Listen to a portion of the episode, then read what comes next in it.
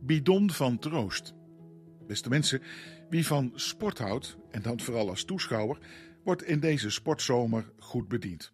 Met voetbal, Max, de Tour de France en straks de Olympische Spelen. Deze week werd dat sportnieuws ineens vreed verstoord door die afschuwelijke aanslag op Peter R. Vries. Ineens deed de sport er eventjes niet meer zo toe. Relativerender kan het haast niet zijn. Tegelijkertijd leverde diezelfde sport in de afgelopen week ook een mooi troostvol moment op.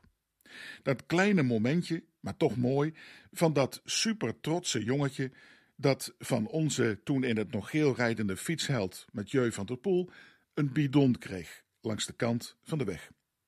Dat plastic bidonnetje van de gele truidrager was voor hem vast veel meer waard dan de allernieuwste spelcomputer leek het wel. We gaan vast van dat manneke nog wel wat meer horen, denk ik.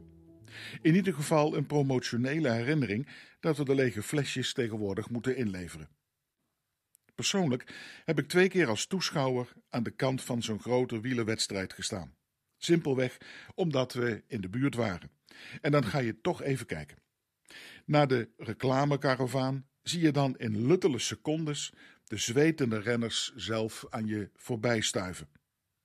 Wie wie is kun je eigenlijk helemaal niet herkennen. En een overzicht van het koersverloop heb je aan de kant van de weg evenmin. Natuurlijk, en dat is ook vaak gezegd, heeft de Tour iets van het gewone leven zelf. Juist door die vluchtigheid en grilligheid, met de afwisseling van succes en glorie, afzien en lijden, doorgaan of afstappen, allemaal elementen van de Tour van het leven zelf, waar we ook etappe na etappe met hoogte- en dieptepunten op weg zijn naar de uiteindelijke finishlijn. In deze dagen bereikte een goede vriend van ons, een geloofsbroeder, die laatste finishlijn van zijn leven. Ik mocht deze week de afscheidsdienst samen met de familie verzorgen. Bijna een halve eeuw kenden we elkaar vanuit de kerk en deelden we hoogte- en dieptepunten van ons beider leven. Vorige week zat ik nog even naast hem zijn sterke lichaam, zijn handen waarmee hij mensen liefdevol omarmd had en zoveel tot stand ook had gebracht, gewerkt onder in de mijnen, gebouwd, geklust in huis en kerk, zijn lichaam was broos geworden. Het was, ondanks het naderende afscheid, toch een fijne ontmoeting, waarin we goede herinneringen ophaalden, waarin naast het verdriet van het afscheid er ook een soort ontspannenheid was, zelfs een lach af en toe door de tranen heen. Ach, wat gezegd moest worden, was eigenlijk al lang gezegd. Maar ondanks de broosheid van zijn lichaam was het geloofsvertrouwen gebleven. En het grote hart met liefde voor zijn gezin, familie en de kerk en de verwachting van het vaderhuis. Nee, het was niet iemand waarvan je kon zeggen dat hij in de gele leiderstrui had gereden.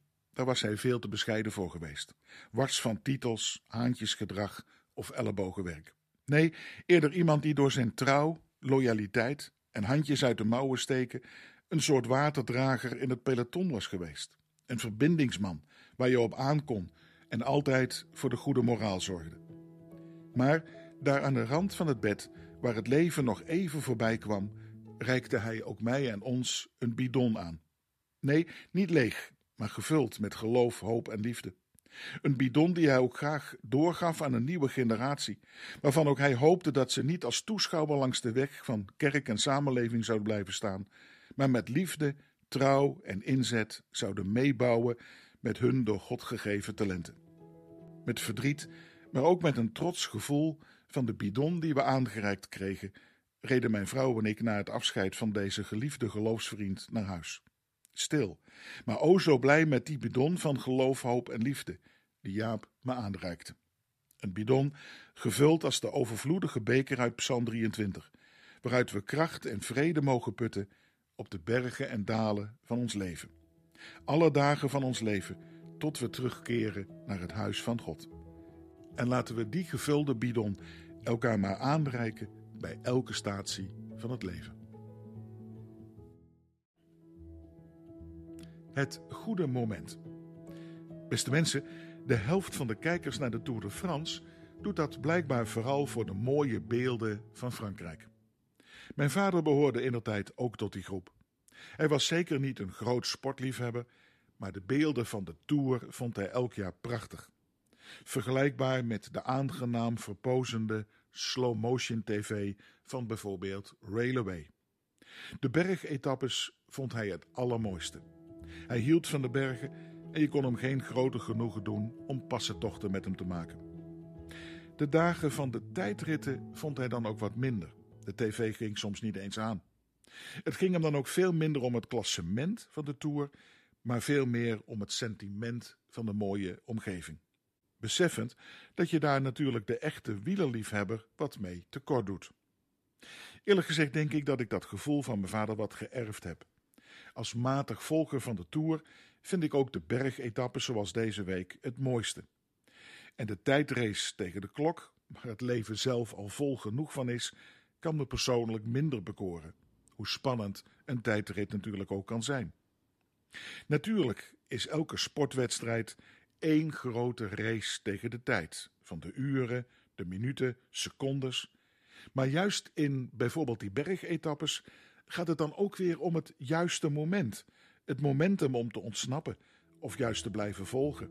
Even in te houden, aan te klampen of te lossen.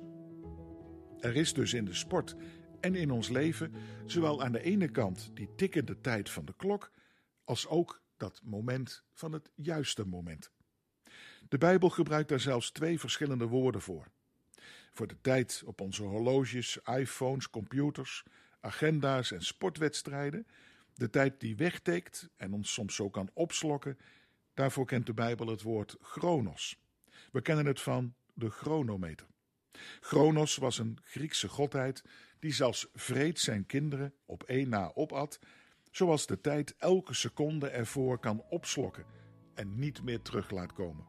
Het bepaalt ons bij de vluchtigheid van ons bestaan, waarbij de tijd zo snel kan gaan en als zand door je vingers glijdt. Maar naast de chronos is er dat andere begrip voor tijd, het juiste moment, het goede momentum om te beslissen, om het goede te doen. Kostbare tijd, quality time, kwaliteitstijd. Het goede moment waarin je niet kiest voor de race tegen de klok, maar je even afvraagt wat het beste is en durft te kiezen voor het juiste. Even aan de kant van de weg afstappen en kijken welke koers voor jou het beste is. De Bijbel heeft daar het woord kairos voor, waardevolle tijd, Gods tijd zelfs, met blijvende, ja zelfs met eeuwigheidswaarde. We worden opgeroepen om onze tijd ook telkens uit te kopen, uit te baten, om er zorgvuldig mee om te gaan, er aan de ene kant van te genieten en het juist ook niet zomaar door je vingers te laten glippen.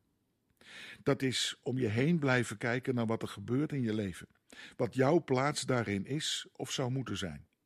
Dat is kiezen om mee te blijven fietsen in het peloton, of mee te gaan bij de ontsnappers, of gewoon aan te klampen. Dat is je afvragen wat Gods bedoeling is met jouw leven. Mijn moeder zou dan zeggen: wat zou Jezus ervan vinden? En daarin de keuzes te maken op het goede Kairos moment. Dat zoeken naar het goede momentum is lang niet altijd makkelijk. We zien het ook deze week weer in de actualiteit met hoe we omgaan met de corona. Wanneer is nu het goede moment om te versoepelen of de touwtjes van de maatregelen weer wat aan te trekken? Wanneer doe je het voor alle belanghebbenden goed? En wanneer en hoe vind je de goede balans tussen gezondheid, vrijheid, economie, welvaart en welzijn? Ik hoop en bid, lieve mensen, dat we ons leven niet alleen maar zien als een race tegen de klok van die verslindende chronos, maar vooral op de juiste momenten zullen kiezen het goede te doen, of van de stilte en de rust te genieten van het mooie moment, om in wijsheid met onze gegunde tijd om te gaan naar Gods bedoeling, in geloof, hoop en liefde, met het oog op ieders welzijn. En dat zijn de beste momenten.